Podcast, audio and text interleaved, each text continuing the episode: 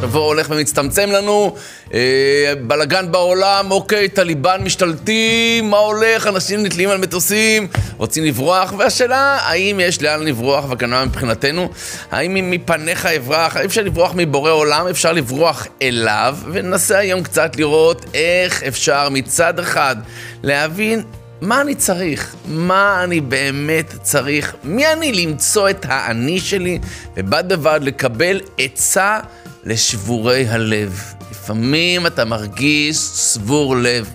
תקשיב, אני לא יכול יותר, אין לי חשק, אני לא רואה שום עתיד ורוד, אני לא רואה שום דבר. תקשיב הרב, אני אין לי כוח לשום דבר. ננסה לראות מה קשור לפרק כ"ז בתהילים.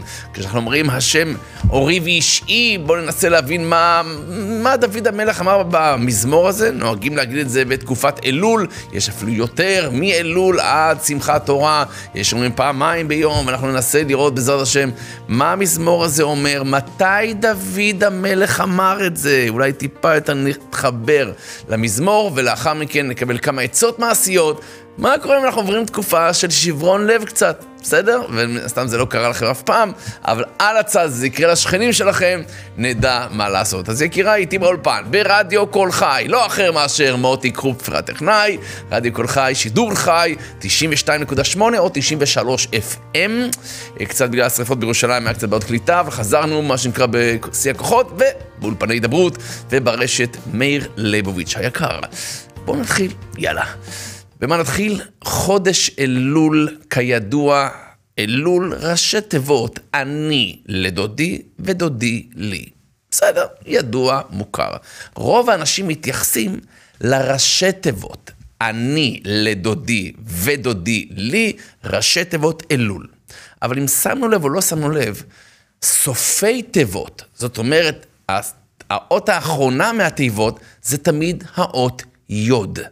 אני האותיות בסוף, לי, דודי, לי, זאת אומרת ארבע יודים, כדי לרמז שני דברים עיקריים. האחד, ארבעה יודים, כידוע, בגימטריה ארבעים. חודש אלול הוא בעצם פתיחה ל-40 יום סך הכל, מראש חודש אלול ועד יום הכיפורים, שהם הימר עת רצון. וזה רמוז ב"אני לדודי" ארבעה יהודים. מעבר לזה כתוב בספר היצירה שבורא עולם ברא את חודש אלול באות יוד. בסדר? ולכן יש משהו באות יוד שצריך לחבר כל אחד מאיתנו לאיזושהי נקודה פנימית. כל אותיות התורה מתחילות מאות יוד בעצם. אות יוד זו נקודה. זה הנקודה של הראשית. לכן גם שם ההוויה, אחד משמות הקדוש ברוך הוא, זה אות יוד. עוד ה', עוד ו' ועוד ה'. הכל מתחיל מנקודה אחת פנימית שהיא מתפשטת. מה הכוונה? אנחנו יודעים שהאות יוד, שנכתוב יוד, זה י' ו' ד', נכון? האות יוד, כאשר כותבים אותה במילוי, מה שנקרא, אז היא נכתבת י' ו' ד'. מסבירים חז"ל, היוד זה נקודה, זה פוטנציאל. זה הבכוח, ואז יוצאים לבפועל. יורד קו אחד למטה, מהיוד הופך להיות ו', זה קו אחד למטה, איזושהי יציבות, ואז האות ד' זה התפשטות של הקו לשטח. זאת אומרת, זה נקודה, קו, שטח, בסדר? זאת אומרת, זה מחשבה, זה אות י', ו' זה הדיבור, כי הדיבור בעצם מחבר בין המחשבה, הוא מגלה את המחשבה שלנו החוצה, הוא גם מחבר בינינו, בסדר? דיבור מקשר בינינו, לכן האותיות זה המחשבה, ו' זה הדיבור, והדלת, ההתפשטות, זה המעשה.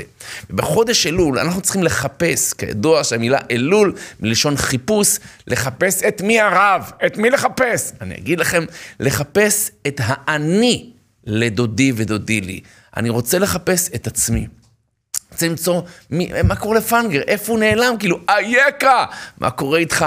תעשה חשבון נפש, עברה שנה שלמה, נו, אתה אמור להגיש את הגרסה הטובה יותר שלך עכשיו בתשפ"ב. איך אני עושה את זה? בורא עולם בא לקראתנו. ובחודש אלול המלך בשדה, זאת אומרת האילוסטרציה של הקשר שלנו עם אלוקים בחודש אלול, הוא מגיע אחרי חודש אב, מבחינה של אב הרחמים, חודש של המלך בשדה, זאת אומרת, אין דיסטנס, אין, לא צריך לתת את כל הפרוצדורה, להגיע לארמון, ואיך להסתדר, ותסדר לי פגישה עם המלך. לא, המלך בשדה, חודש אלול קרבה מאוד מאוד מיוחדת. מצד אחד, הכנה לראש השנה, שם כבר המלך בארמון, אנחנו ממליכים אותו עלינו, מקבלים עול מלכות שמיים, ביראה, זה כבר הימים הנוראים, ואז מגיעים לפסגה, במידה מסוימת של יום כיפור, ששם זה כבר ממש אחדות כמו זוגיות. אנו, אה, אתה הוא אה, אבינו או דודנו ואנחנו רעייתך, ככה אומרים את זה בתפילות יום הכיפורים, כמו רעיה לבעלה. ולכן הנקודה העיקרית מבחינתנו זה למצוא את האני. אז מה קורה איתי? כאילו, מה, מי, מי, מה, מה איתי? איפה הנקודה הזו שאיתה אני צריך להתחיל? ואני אומר את זה מכיוון שאני אקח את דוד המלך כדוגמה. דוד המלך עבר הרבה מאוד קשיים בחייו, ולא זו העת להרחיב. אבל הוא כותב מזמור אחד, שנוהגים לקרוא אותו דווקא בחודש אלול. מזמור כ"ז בתהילים. במזמור הזה אנחנו הרי יודעים לדוד, השם אורי ואישי. זה המזמור. מתי דוד המלך כתב אותו, אתם יודעים? הרי כל המזמור הזה, תקראו אותו פסוק פסוק, תראו המון פסוקים של, של ביטחון, של אמונה, סתם כדוגמה, השם מעוז חיי, ממי אפחד? תחשוב, דוד המלך, הוא נמצא, תכף נראה, במצב של סכנה, של אכזבה, הוא שבור, תכף נבין גם למה. והוא נותן לעצמו מילים של עידוד, פסוקים של חיזוק. אם תחנה עליי מחנה, לא יירא ליבי. תבינו, הוא כאילו כותב את זה, אבל הוא לא כותב את זה סתם, כי הוא אומר את זה, הוא חי את זה, הוא נושם את זה. גם אנחנו צריכים את זה מדי פעם. אם תקום עליי מלחמה, בזאת אני בוטח. אחת שאלתי מאת השם, אותה אבקש, כי יצפנני בסוכו ביום רעה. אל תסתר פניך ממני. ובסוף מסיים עם פסוקי תקווה, קווה אל השם, חזק ויאמץ ליבך, וקווה אל השם. דוד המלך כתב את המזמור הזה כאשר הוא היה מרוסק. מה זאת אומרת מרוסק? דוד המלך עבר לגור בציקלג, ציקלג שם של עיר, יחד עם 600 איש עמו, נשים, אה, זקנים וטף. בשלב מסוים הוא יוצא לעזור במלחמה למלך אחיש. הוא יוצא לעזור במלחמה, ובינתיים העמלקים חודרים לעיר הזאתי, וכאשר דוד המלך יצא לעזור במלחמה לאחיש מלך גת, הוא לקח את כל הגברים איתו. אז בעצם הוא הפקיר את השטח לטליבן, אתה מבין, להבדיל, להשתלט על העניינים שם. עכשיו, דוד המלך חוזר בשלב מסוים, ומגלים את גודל האסון. הטליבן השתלט שם על הכל, העמלקים של דאז השתלטו על הכל, ורק תחשבו מה קרה. הם לקחו את כולם בשבי, הם ציינו... גם הטליבן שיחקו אותה נחמדים, ראית? קופצים טרמפולינות, נוסעים במכוניות מתנגשות. לא, אנחנו לא רוצים לעשות בלאגן, חס ושלום, חס ושלום. אבל בשלב מסוים תבינו שהעמלקים, הטליבן דאז, לקחו את כולם בשבי, נשים, ילדים וטף, פשוט בזזו הכל, שרפו הכל, ודוד המלך מגיע, ותבינו את הפסוק עד כמה שהוא מגיע שבור ורצוץ, כאשר אין להם לאן ללכת, הם מבינים שנהרס הכל. והם בוכים. דוד המלך בוכה, העם בוכה איתו, עד שהם לא מסוגלים כבר לבכות יותר. תחשוב, כל הגברים, איפה הנשים שלנו, איפה הילדים, רק לחשוב מה יכול להיות, אימא! וכולם מפנים אצבע מאשימה לדוד. אתה אשם. למה אתה אשם? איפה, כביכול, איפה הראש שלך? למה לקחת את כל הגברים ויצאת לעזור לאחיש מלך גת? תשאיר פה כיתת כוננות, לא יודע מה, תשאיר פה קבוצה של לוחמים, מה אתה, זה הפקרות? ודוד המלך עם האצבע המאשימה, בשלב מסוים מרגיש שבור. גם את הבית של דוד המלך עם הנשים שלו, גם לקחו בשבי. דוד המלך כביכול שבור, מה הוא יעשה? אף אחד לא תומך בו, אין לו עם מי לדבר, אה? לפעמים אנחנו גם מרגישים ככה. אולי לא אתם, אבל אתם יודעים. שאתה מרגיש שאתה שבור, אין לך עם מי לשתף, אתה רוצה לדבר עם מישהו, אבל מה כבר יגידו לך? יגידו לך את המשפטים שאתה מכיר, ועוד פעם, כן, שב, תלמד, וזה יעבור לך, ואתה מרגיש, ריבונו שלום, אבל הרב, זה לא עובר לי, זה לא עובר לי, מה אני עושה? ואתה מרגיש חסר אונים, את מרגישה חסרת אונים, ופה אנחנו צריכים לחזור לנקודה, ליוד, לאני. להבין שהאני, מחליפים את האותיות, זה עין. עין, פירוש דבר, אני רוצה להתחבר לאין סוף, לאין עוד מלבדו. אני רוצה להתחזק שגם כי ילך בגיא צל מוות, לא יירא רע, כי אתה עמדי. לא משנה מה קורה בחוץ, לא משנה מה התחזיות, לא משנה מה עברת, ואתה בעיני הבשר ודם שלך לא רואה שום ישועה. בסופו של דבר, אם אני אחזור לפנימיות, למלך בשדה, מה שנקרא, שבורא עולם איתי, זה הדרך היחידה לשרוד פה. וזה מה שדוד המלך אומר. דוד המלך בפרק הזה של תהילים, בעצם מחזק את עצמו, מעודד את עצמו, והסוף הסיפור היה הרי שהוא הולך לשאול באורים ותומים, האם לצאת למלחמה נגד העמלקים. הם לקחו, לקחו בשבי, טליבן, טליבן, אבל תקשיב, אנחנו, לא יודע מה, אנחנו עושים את ההשתדלות שלנו. שואל באורים ותומים ואומרים לו, צא למלחמה. והוא אוסף את אנשיו, יוצא למלחמה, ומצליח ברמות אחרות, לוקח את כולם חזרה, מציל את כולם, לא נגעו בשערה אחת של יהודי או יהודייה, מחזיר את כל השלל, והסוף טוב, הכל טוב. אבל חז"ל אומרים שזה נהיה הסוף טוב, הכל טוב, רק בגלל החיזוק באמונה הזאת. רק בגלל המצב שזה נראה ש... אתה יודע מה? אין, אין, אין סיכוי. אין, הלך, הלך, הכל הלך. וזה אני, הרב, זה, זה כביכול, הוא, הוא מרגיש שהוא אשם, איך לא חשבתי כביכול? איך לא השארתי פה קבוצה של גברים? לצורך העניין, גם אם עשינו טעות, גם אם הרגשנו, אתה יודע, הרסנו הכל, הרסנו הכל. בואו נקבל כמה עצות, אנחנו אמרנו עצה אחת, אבל כמה עצות לעזור לשבורי הלב שמרגישים שהרסו הכל. אנחנו נתחיל, הכותרת עצה לשבורי לב, לקחתי מהספר של אה, ליקוטי רשימות, של הרב ווכט פייגל, כן? המשגיח הידוע מלייקווד, יש ספר שנקרא ליקוטי, ליקוטי רשימות, על כל מיני דברים מהחגים, אז בכרך של אלול וראש השנה, או ימים נוראים, יש כותרת, נפגשתי בה אתמול, שכתוב שם עצה לשבורי הלב. לאנשים שבורים, אמרתי, וואי, אני רוצה, לא שאני שבור, חס ושלום, אבל מעניין אותי, תן לי עצה לאנשים שבורים. והוא כותב כך, סיפר המשגיח, זה הרב ווכט פייגל, על אדם פלוני שמצליח מאוד. תשמע, אתה רואה בן אדם שממש מצליח, עוסק עם רבים, פועל גדולות ונצורות. אתה רואה, אתה עכשיו, בלי עין הרע, מצליח. בגדול, הרב, בגדול. אמר המשגיח, אותו אדם, אתם רואים אותו? הוא היה שבור, בלי שמחה וסיפוק. אתה מבין? כלום. אין שמחה, אין סיפוק. איך, כמו החום הזה בחוץ, לפעמים אתה מרגיש, אה, אתה מבין, לא, אין חשק לעשות כלום. כלום, הרב, אני גמור מהחום הזה. יופי. וברוך השם, הוא יצא ממצבו ונהפך לאיש אחר. איך יצא ממצבו? הקשיבו, הקשיבו לעצה. הוא אומר כך, על ידי שהתחיל לעסוק עם הרבים. שמעתם?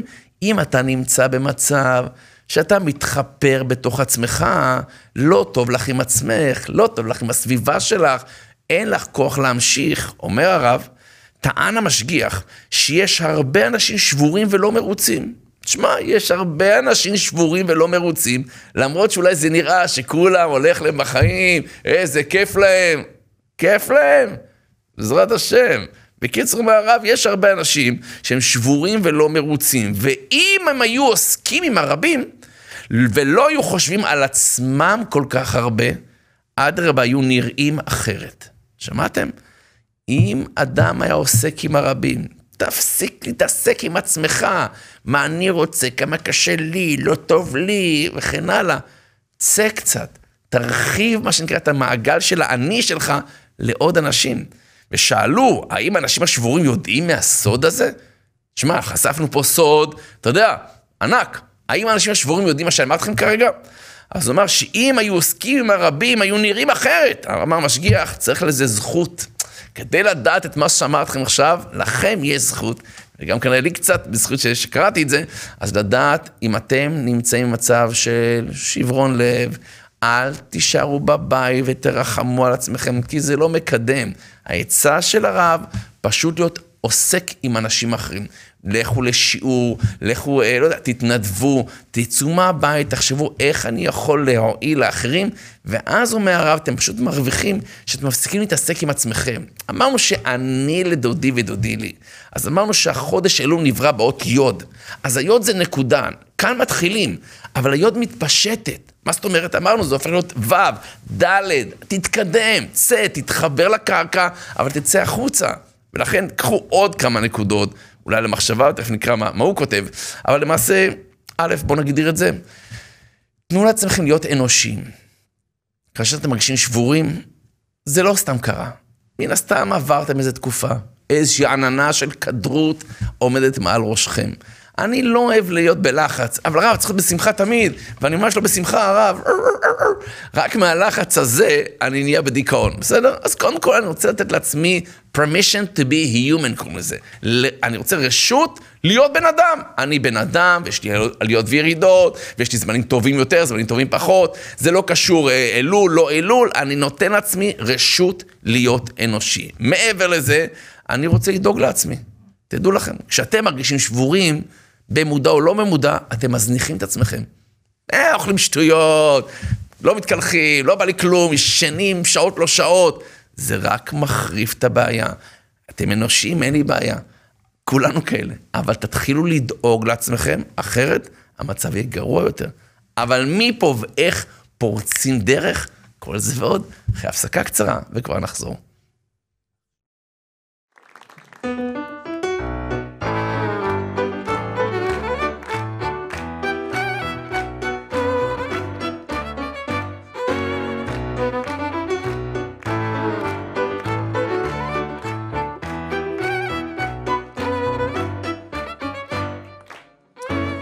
יושב בשדה לא יוצאת לי אפילו מילה. לא כל שכן דיבור של אמת, לא כל שכן תפילה. מחשבות של הבל מעל ראשי משוטטות. גלים גלים את הדעת הן תוקפות.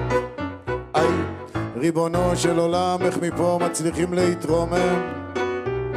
איך אחא נהפכתי מחי לבחינת דומם השם הצדיק תגמור בעדי. כל מה רציתי זה להיות יהודי. איי איי איי איי איי איי איזו עצבות מוחין דקדנות מוחין דקדנות. איי איי איי איזו עצבות מוחין דקדנות מוחין דקדנות. יושב בשדה מבולבל בוהה. אף נקודה טובה באופק לא רואה הזמן מעיק עובר בזחילה ואני עוד לא הצלחתי לשחרר אפילו מילה. נשמה ענייה, דבויה וסחופה עלייך עיני עיני יורדה דמעה. אחד שנחצבת מהיכל של אמת נגזר עלייך בעולם החומר לשוטט. אוי אוי אוי איי איי איי איזו עצבות מוחין דקטנות מוחין דקטנות. איי איי איי איזו עצבות מוחין דקטנות מוחין דקטנות. אבל הצדיק אמר בשמחה תמיד להיות. את האור בתוך החושך לבקש ולגלות. ואם המצב הוא אוי ואבוי אוי אוי אוי אוי.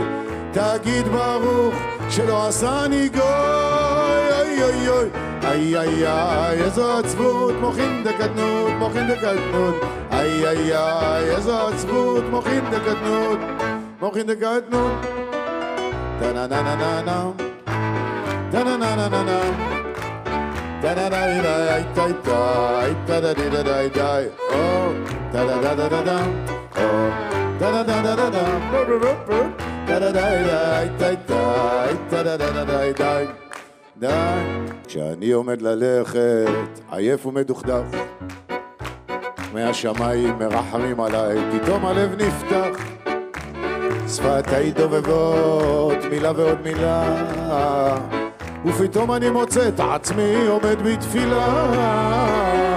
אבא עתיק, אבא רחמן, הלב יבש כמו דיקט, כל כך הרבה זמן. רחם עליי, רחם בבקשה. קרב אותי אל אור פניך, אל הקדושה. מלך גיבור, מלך ענב. זדי מליצוני, באים לי מהגב. רחם עליי, אל תשאיר אותי בחוץ. מושכני, אחריך בערוץ, אוי אוי אוי, איי איי איי, איזה עצבות, מוחין דקדנות, מוחין דקדנות, איי איי איי, איזה עצבות, מוחין דקדנות, מוחין דקדנות. ואני כל מה רציתי, בשמחה תמיד להיות, את האור בתוך החושך, לבקש ולגלות. ואם המצב הוא חליע אליי, ברוך השם, אני נושם וחי. ואני כל כך רציתי לא להתייאש, את האור בתוך החושך, לבקש ולבקש. ואם המצב הוא גוואלדוי והזמיר, ברוך השם, הנה התפלק לי שיר. דה דה דה דה דה דה דה דה דה דה דה דה Da da da da da da da da da da da da oh da da da da da da oh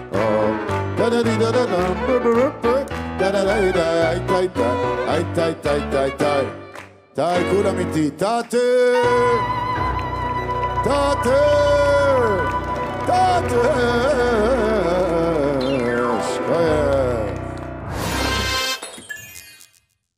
תודה רבה שחזרתם אלינו, ואנחנו בעזרת השם היום נותנים עצות לשבורי הלב. זה ודאי לא אתם, אבל שתדעו מה להגיד לאחרים. ממילא לקחנו דוד המלך כדוגמה, דוד המלך עם כל מה שהוא עובר בחייו. בשלב מסוים הוא כותב מזמור ש... גדולי ישראל החליטו, חכמי ישראל, לשלב אותו בחודש אלול, דווקא ב-40 יום האלה, ואפילו יותר עד שמחת תורה, כדי לחזק אותנו עם המילים, עם הפסוקים, עם המשמעות, ובפרט בקונטקסט הכללי. זאת אומרת, ברגע שאתה מבין מתי הוא כתב את זה, זה לא שסתם, אתה יודע, חיים יפים, ובואו נכתוב את זה מזמור תהילים, אתה יודע, קצת לנפש. לא. הוא נמצא במצב ממש קשה. אמרנו, הוא יצא למלחמה, לעזור למלך אחיש, לאחיש מלך גת, והוא חוזר והוא מבין, הוא עשה טעות. הנשים שלו, כל הנשים האחרות, כל, כל, כל הילדים, לקחו אותם בשבי, דוד, אתה השם רצו לסקול אותו, חז"ל אומרים. והוא אומר את הפסוק הבא, ויישא דוד והעם אשר איתו את קולם ויבכו. תקשיב, זה... אני, לכאורה, אתה רואה, גם דוד המלך, נכון? דוד המלך בוכה, אה? הוא לא ישר קפץ, אה, הכל לטובה, וברוך השם, אתה יודע, אה, שר הביטחון בחובות הלבבות, נכון, זה האמת, ככה צריך לחיות. אבל אתה רואה שגם אנחנו אנושיים, ואתה רואה שאפילו דוד המלך, ויישא דוד והעם אשר איתו את קולם ויבכו, לא קצת אומרים איזה דמעה, תראה מה קרה. עד אשר אין בהם כוח לבכות, אומר שמואל הנביא.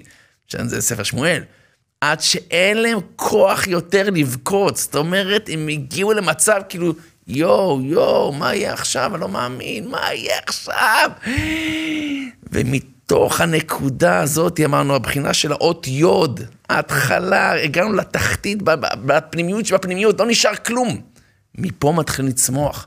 והוא מחזק את עצמו בפסוקים שאמרנו בכל הפרק הזה, אתם מסתכלים בפרק אצלכם, השם מעוז חיי, ממי יפחד, דוד המלך מחזק את עצמו. זאת אומרת, הוא מבין, ברור שהמצב קשה, אבל הוא מתחיל לחזק את עצמו, אם תחנה עליי מחנה, לא יירא ליבי, אם תקום עליי מלחמה, בזאת אני בוטח, אל השם, חזק ויאמץ ליבך. יפה. אז הוא מחזק את עצמו מתוך האפלה שהוא נמצא. ופה הוא נשאל, שואל בהורים והתומים, באמת יוצא למלחמה ומנצח. ואחת הסיבות שהוא מנצח ומחזיר את כולם, ברוך השם, בריאים ושלמים, בזכות האמונה הזאת, בזכות הביטחון, בזכות שגם אם אנחנו נשברים זמנית, כמה שיותר מהר לאסוף את עצמנו ולהתקדם הלאה. ולכן קראנו מספר ליקוטי רשימות של הרב ווכטפייגל מלייקווד, זכר צדיק קדוש לברכה, עצה לשבורי הלב, קודם כל, תצא קצת מהאני שלך. אל תתחפרו בתוך הדיכאון והעצבות. צאו, תעזרו לאנשים אחרים.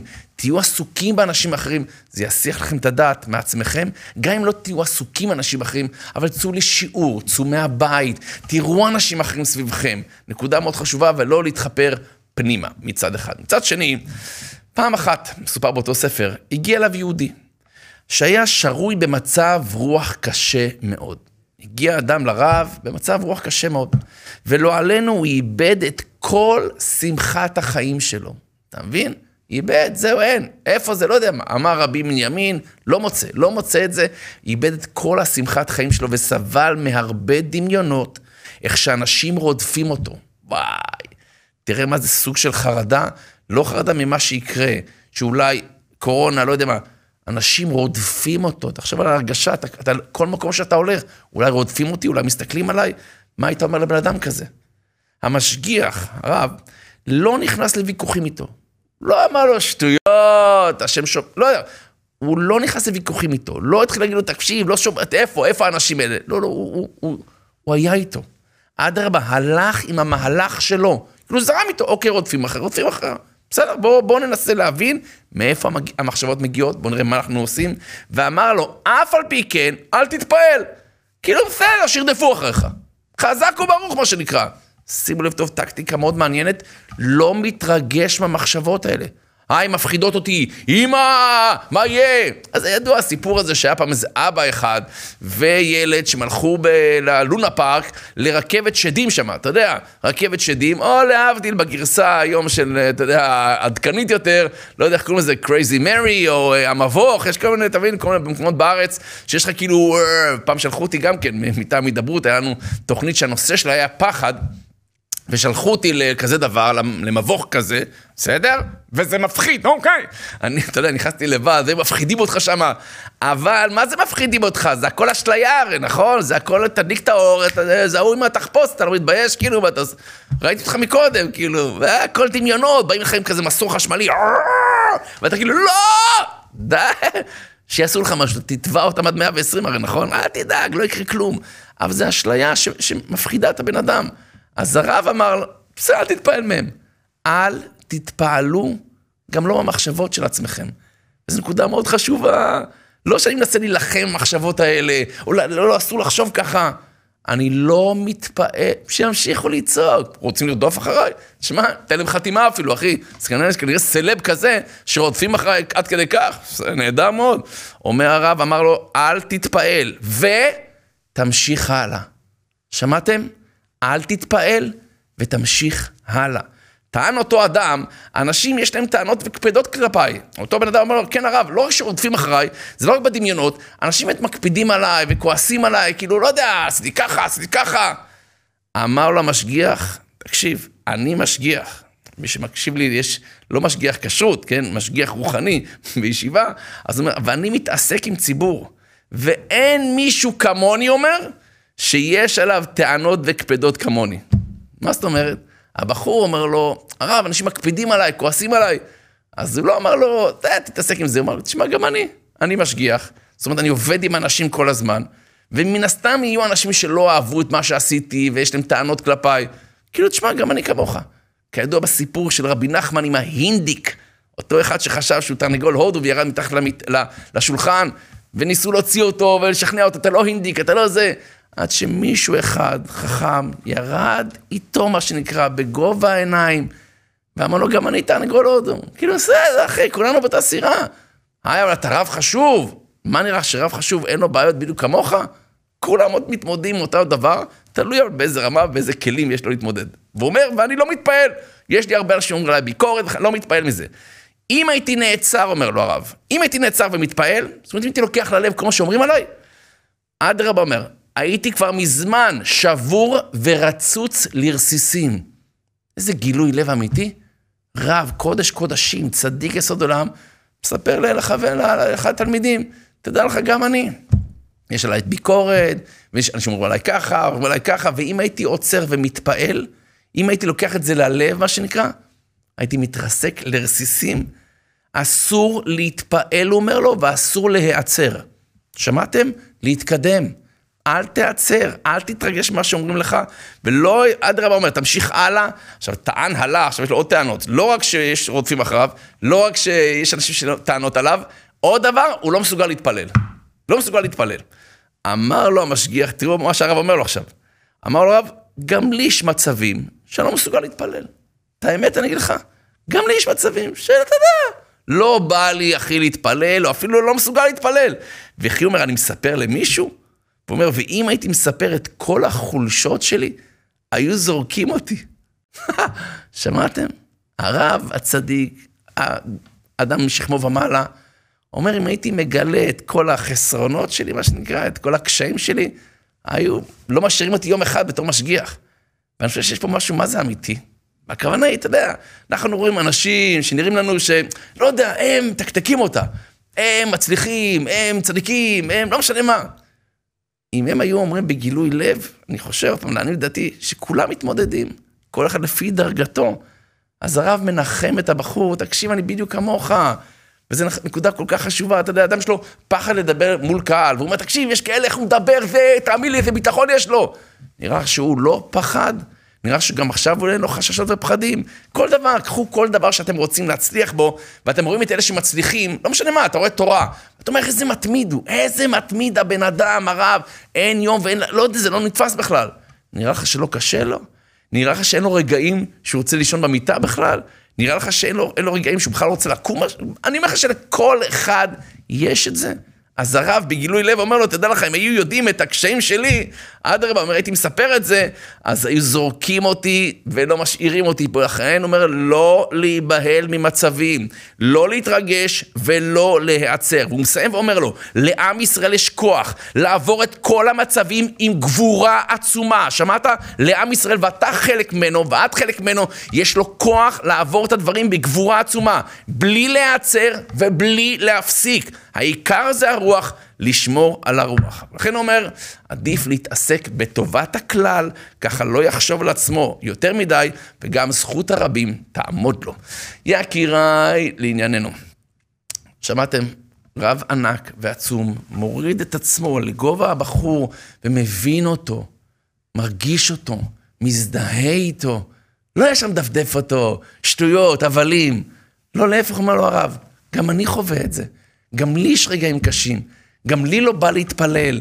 גם אני, אם היו יודעים את החסרונות שלי ואת ההתמודדות שלי, היו מפטרים אותי כביכול, אומר לו. אני חושב שיש פה נקודה שכל אחד מאיתנו צריך להתחזק בה. כולם עוברים רגעים קשים בחיים. אבל מעבר לכל, אל תסתכלו אצל השני. אני אסביר מה אני מתכוון.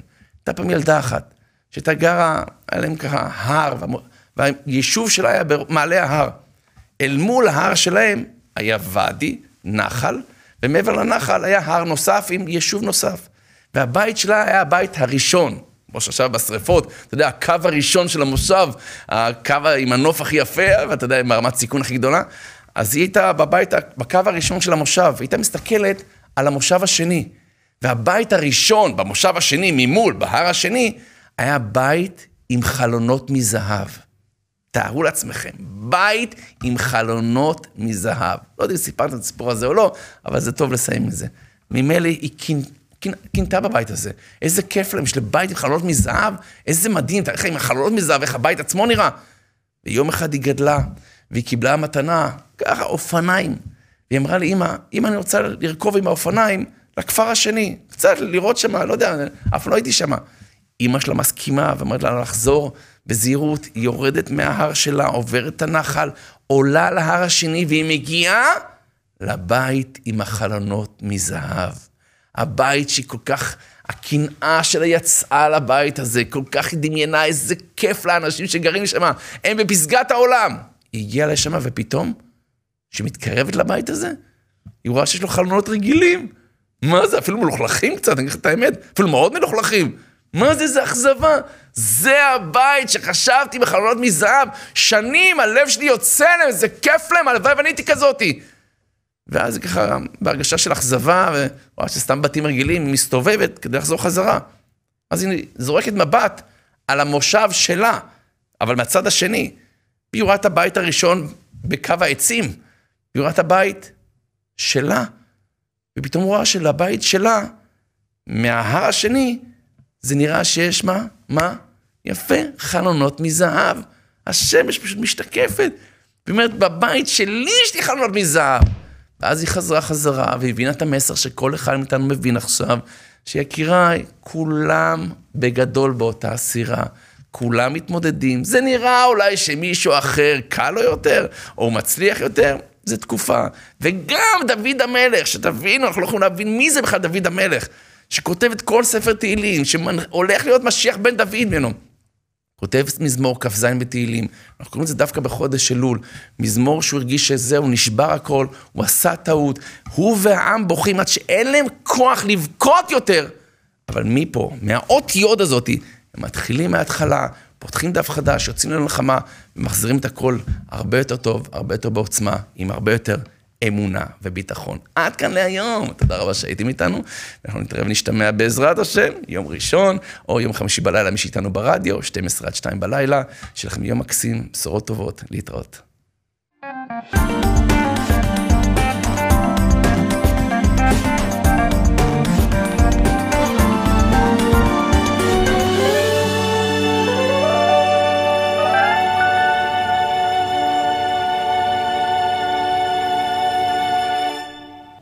הייתי בבית חולים לעוד אה, צילומים, ואמרו לי שאני חייב לעבור ניתוח. אה, להוציא מהסחוס מהברך ולהוסיף לכתף, ובין גיל 18 ל-20 יש 80 אחוז סיכוי לבן אדם שיצא לו עוד פעם מאוד מהר אם אה, כבר יצא לו הכתף. אני לא יודע בדיוק למה בגיל הזה, אבל ככה זה עובד בעיקרון. התקשרתי למאמן ואמרתי לו, אלכסנדר, תקשיב, רוצים לעשות לו ניתוח. הוא אומר לי, שום ניתוח ושום דבר. תבוא, תבוא לפה עכשיו, מתחילים. בסדר, אני סומך עליו, אני כמובן רוצה לשמוע את החיובי. אני בא, באתי אליו,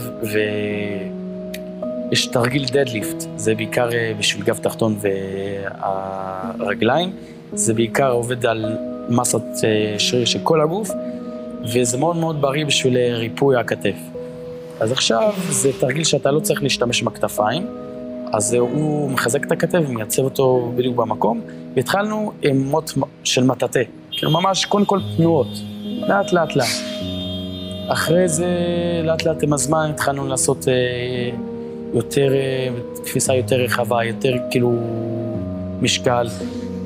באיזשהו שלב, אחרי אה, חצי שנה, הגענו בדדליפט, כבר חזרנו למשקלים ל-180 קילו, וגם... אה, הוא קידם אותי מאוד בכל התרגלים, אה, במשקלים, או לא משנה מה.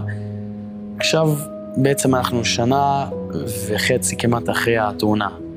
עכשיו אה, אני יכול להגיד, חוץ מזה שבזכות, בזכות אה, הפציעה הזאת, ובזכות גם כן שלקחתי את זה בעין יותר טובה, אז יכלתי להשקיע, הייתי תקופה במכללה במכון לב, התחלתי ללמוד רציתי ללכת לכיוון אה, הרפואה וכל זה, אז התחלתי בעצם קודם כל ללמוד במכינה. עכשיו אה, באתי מבלי, בלי רקע לימודי, בלי שום דבר, לא לכתוב, לא לקרוא. בסופו של דבר קיבלתי סוג של אה, הצטיינות של, ה, של המכינה, ורק בזכות שהייתי פצוע ולא יכלתי לעבוד, אז יכלתי יותר להשקיע בלימודים. גם כן בלימוד התורה התחלתי לפני שנתיים ללמוד גמרא, וברוך השם, בזכות זה יכלתי להשקיע יותר בלימוד, ברמה השכלי יותר. אדם מקבל מכה. באותו רגע אתה לא מרגיש כאב, נכון? כל אחד מאיתנו לפעמים, אתה יודע, נתקף באיזה מכה, תאונה כזו או אחרת. אתה כל כך בהלם, שכאילו הכל בסדר וכדומה. תנו לעצמכם לכאוב. תנו לעצמכם לבכות. תרגישו את הכאב. כי חייבים לרדת למטה, לפתוח את הפצע, כי רק מפה מתחיל שיקום. חזקי בכלל לא מרגיש שום דבר, שום כאב הוא לא מרגיש. אבל פתאום הכאבים מגיעים, והם מגיעים בגדול. אבל דווקא מתוך הכאב אפשר לצמוח הכי טוב. תודה רבה שחזרתם אלינו, והיום איתי יוסף חיים היקר. כאשר יוסף חיים נולד, הוא נולד עם אתגר. כל אחד מאיתנו יש לו אתגרים. אבל תחשבו על החיים שלכם, עם האתגרים שלכם, שיש לכם גם ככה היום, אבל בלי אלמנט אחד מאוד חשוב, בלי היכולת לראות. בוא נשמע את זה ממנו. יוסף, בוקר טוב. בוקר טוב. שלומך. ברוך השם מצוין. תספר לי קצת על, על יוסף חיים. איפה נולדת? נולדתי בניו יורק בארצות הברית, ונולדתי פג, ובגלל זה אני התעברתי בגלל הסיבוך והתעברתי. וואו. אני עיוור מלידה, ואני, אה, כל החיים שלי למדתי בבית ספר רגיל, ו... אני למדתי לקרוא כתב ברייל באמריקה, עברית ואנגלית. Uh-huh. אני גם מדבר את שתי השפות. וואו. ואני, ברוך השם, נשוי שש שנים, אני היום גר בלוד. יפה. יש ילדים? לא, אה, בעזרת השם שיהיה בעזרת השם. אמן. והיום, מה, מה אתה עושה בחיים? אני לומד וגם עובד במחשבים. עכשיו, שמעתי שגם אתה חזן. כן, אני גם כן אה, חזן בבית כנסת איפה שאני מתפלל, וגם... אה, אה, אה, ואני חזן בשבתות וחגים, מאז הבר מצווה שלי אני חזן בשבת וחג, אני יודע את כל המנגינות. וואו, וואו. איך זה לעלות שליח ציבור? בדרך כלל שליח ציבור עוצם את העיניים אפילו, אתה יודע, של להרגיש את את התפילה. אתה לא צריך לעצום את העיניים, זה הרגשה של כבר אתה בפנים. נכון, נכון. פשוט יש לי, יש לי סידורים בברייל, אהה. הנה יש פה ספר ברייל, אני... אמ, אז יש כאן את, הספר של ברייל, אמ, וככה אני קורא את התפילות. איך הברייל עובד? מה זה, על פי אותיות, על פי מילים? אני... אני אראה את זה. רוצה להסתכל פה, כן. הנה כאן בהתחלה, יש, יש כאן בהתחלה את, ה, את, ה, את כל האותיות. אהה, אהה. רגע. אני מחובר לחיבור למעלה, וואו. זאת אומרת, כל אות יש לה בעצם... אה, זה, זה, זה נקודות, נקוד- זה בנוי משש נקודות. אתה. תראה, א' זה נקודה אחת, ב' זה ארבע, תסתכל. הבנתי, כן, כן, אני רואה ג' גם ארבע נקודות, אבל סדר אחר. נכון, ככה כל האותיות. וואו, ואז אתה, אתה פשוט צריך לזכור את זה בראש, שא' זה... כן, אבל- אחת. נכון, אבל כמו שכל ילד לומד לקרוא, אני גם למדתי לקרוא. אהה, וואו. כל עיוור ככה עושה. ואני רואה שיש גם, הרי, יש גם כת- כתב ברייל לניקוד.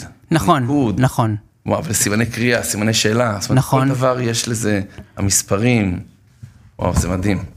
אז אתה פשוט עובר עם, עם האצבע וככה כן. קורא? כן, כן. מדהים, וככה למדת את התפילות, למדת את, את כל הדברים. נכון, כן. זה, מה הדבר הכי מאתגר בתור אדם שלא רואה? מעבר? כן, מעבר ל... שלא אה, רואים. קודם כל, אני רוצה להזכיר, גם אני מוסר הרצאות בבתי ספר על עיוורים, אני מסביר להם מה זה אדם עיוור ואיך לעזור לו.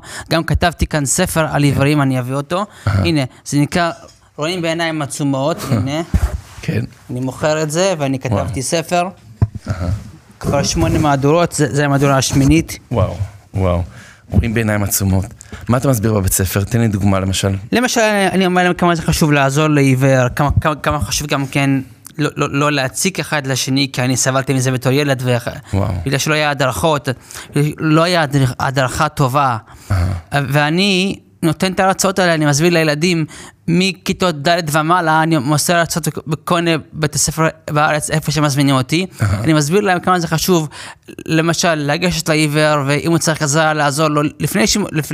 שהוא לא יבקש ממך עזרה. אתה תיגש אליו, אדם רואה, ת... תציע לו עזרה, אם זה בכביש, באולם, בחנות מכולת, איפה שאתה פוגש אותו. מה הכי קשה לעיוור?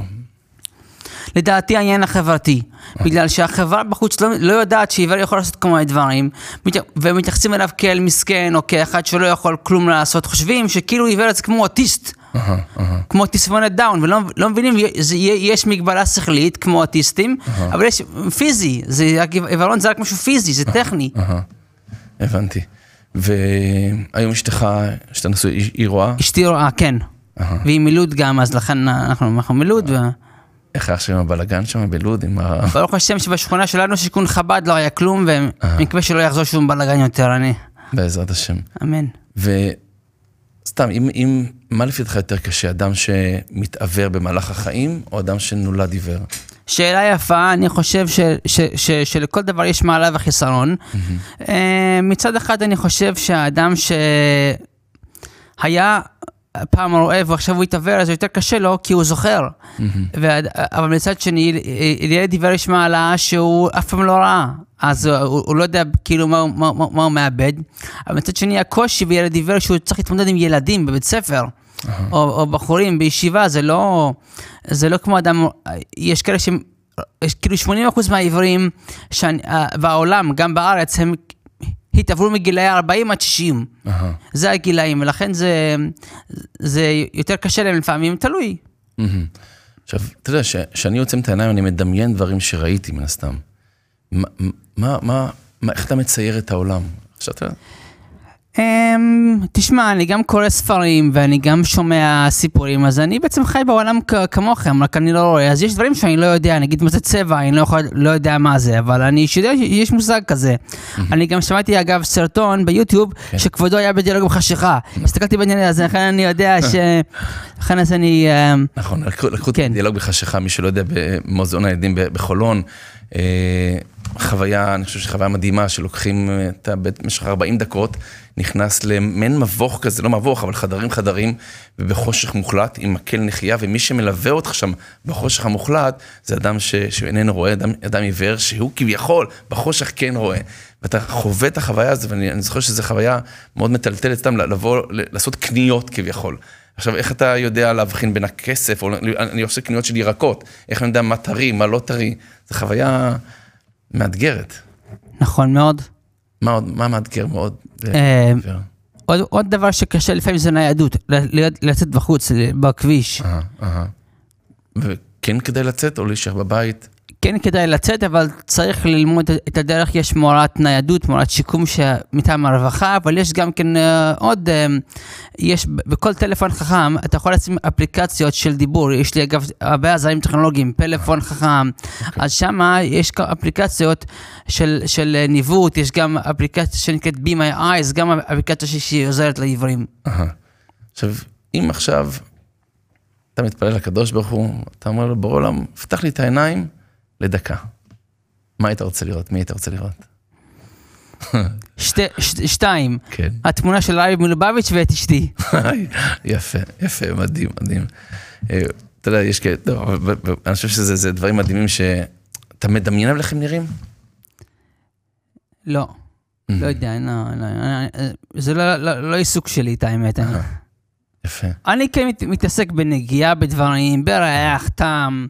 אני מתעסק במה אני כן יכול לעשות. אתה יודע, היום, היום, היום בשנים האחרונות, אני יודע, אני מסתכל באינטרנט, אני במחשב, יש לי מחשב נייד שאני שומע וקורא בו. כן.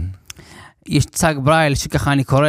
מהמם. אז אה, שם אני רואה שעיוורים היום, האתגר הוא שהם מדגישים את היתרונות בעיוורון, לא ש- כמה קשה, אלא מה, מה אני בתור עיוור מרוויח, או איך וואו. אני מסתדר בחיים למרות העיוורון. הבנתי. ככה זה בעולם, ככה זה גם כן בארץ, עם ה... ב- עכשיו, אם אתה- חברה יודע, חבר'ה צעירים רואים אותנו, אנשים, אתה יודע, כול- כולנו מתמודדים בחיים. נכון. לך יש התמודדות שלא בחרת בה, ומהניסיון שלך, מה היית אומר לחבר'ה צעירים? איך אתה יכול, מהניסיון שלך, לעודד אותם, לחזק אותם, עם הקשיים שלהם בחיים? שחשוב מאוד להסתכל על הטוב ולראות מה, את הטוב שכן יש. ונכון, אה, יש קשיים, אבל אני חושב שאם עיוורים משתדלים להיות בשמחה, אני עובד על זה הרבה, אז כל שכן אדם רואה, כן, חשוב להסתכל על מה שכן יש. למשל, ספר ברייל, אה, מה שכבודו מחזיק עכשיו, כן. זה רק חומש דברים, רק חומש. וואו, וואו, ורש"י זה עוד כרך כזה, תרגום עוד אחד כזה. וואו, מדהים. אז לכם זה חומש קטן מאוד, צריכים להעריך את מה שכן יש, להסתכל על, על מה שכן יש, על הדברים שכן יש לכם. אני אני מדפדף בזה עכשיו, זה נראה בלתי אפשרי לקריאה בכלל, זה כל כך צפוף וכל כך קטן. זה אומנות, אני חושב, לקרוא כזה דבר, זה מדהים. עכשיו, מעבר לזה, לכתב ברייל, אתה גם מנגן. נכון, באורגן, אני, אני מגיל 11 מנגן עד היום, אני גם מנגן באיר- באירועים והופעות. וואו. כן, בהחלט. אז uh, יש פה קלידים, אני אבקש אולי אחד מצוות ההפקה שיבוא uh, לסדר לנו את זה. היית רוצה לנגן לנו איזה משהו? כן. מה, איזה שיר אתה הכי אוהב? אה, ניגון. ניגון הצמח צדק, ואולי גם כתיבה חתימה טובה, שב- שבחב"ד בחודש אלול, אז הם כן. שרים את זה. דקה, אני...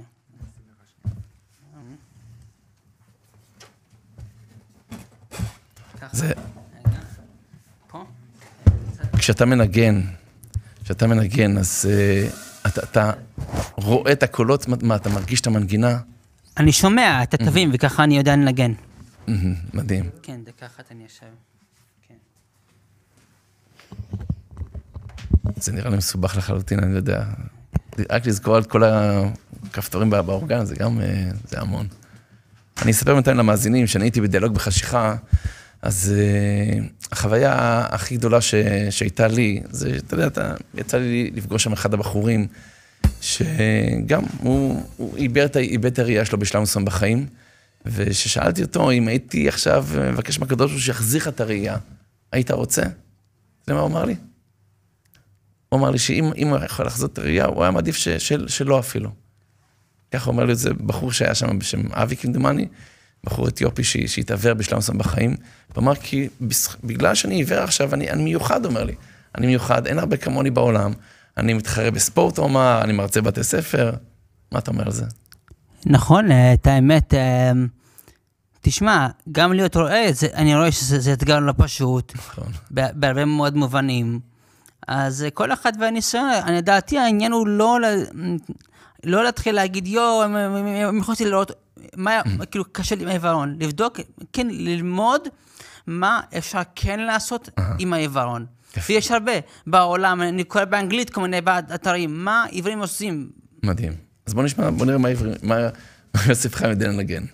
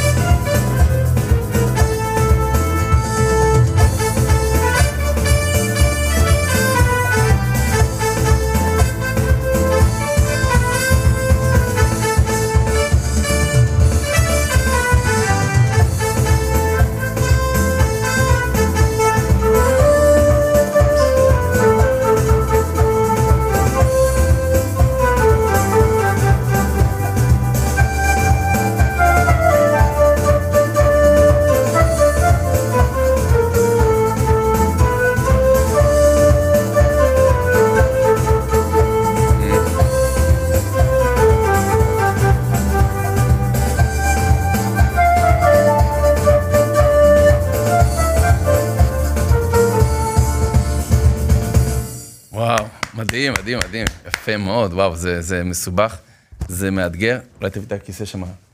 אה, לצורך העניין, אני חושב שאני אני גם רואה אותך לא רק על הקלידים, אלא יש גם, אתה לוחץ על כל מיני כפתורים ככה על האורגן, אז, אז זה מדהים. מתי למדת לנגן? למדתי אה, מגיל 11 עד עכשיו, אבל אה, אני כבר שנתיים וחצי לומד עם עוד מורה שהוא מומחה והוא עוזר לי, ואני מאוד מאוד נהנה מהשיעורים, וברוך השם שאני אה, אני, אני מנגן ואני אני- אני מצליח עם זה. מדהים, מדהים. מה השאיפות שלך לעתיד? מה היית רוצה לעשות, להתקדם? אני הייתי רוצה לעתיד אה, ללכת לעשות הרצאות בכמה שיותר בתי ספר ולהסביר לילדים ולאנשים ולבחורים כמה זה חשוב לעזור לעיוור. וכמובן, אה, הייתי רוצה גם למכור ולהפיץ את הספר שלי, ששם אני מסביר כל מיני עצות והדרכות, וגם לעזור להורים. חשוב מאוד, אם יש הורים שיש להם ילד עיוור. ל- שיפנו אליי ושאני אוכל לעזור להם, כי אה, לי יש, ברוך השם, הרבה עצות שאין להרבה אנשים, ואני מוכן לעזור, וזה חשוב מאוד, כי היום ההדרכות שקיימות זה לא כל כך, זה ביורוקרטיה ודברים כאלה, וגם הרבה עיוורים לא כל, לא, לא כל כך הם, אה, עוזרים מכל מיני סיבות.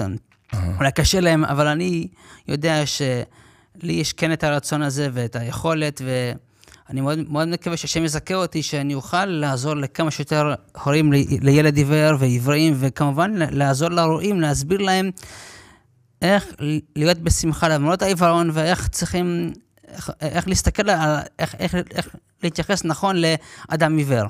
מדהים. יוסף חיים, תודה רבה רבה. אני חושב שקיבלנו פה שיעור אה, לכל החיים.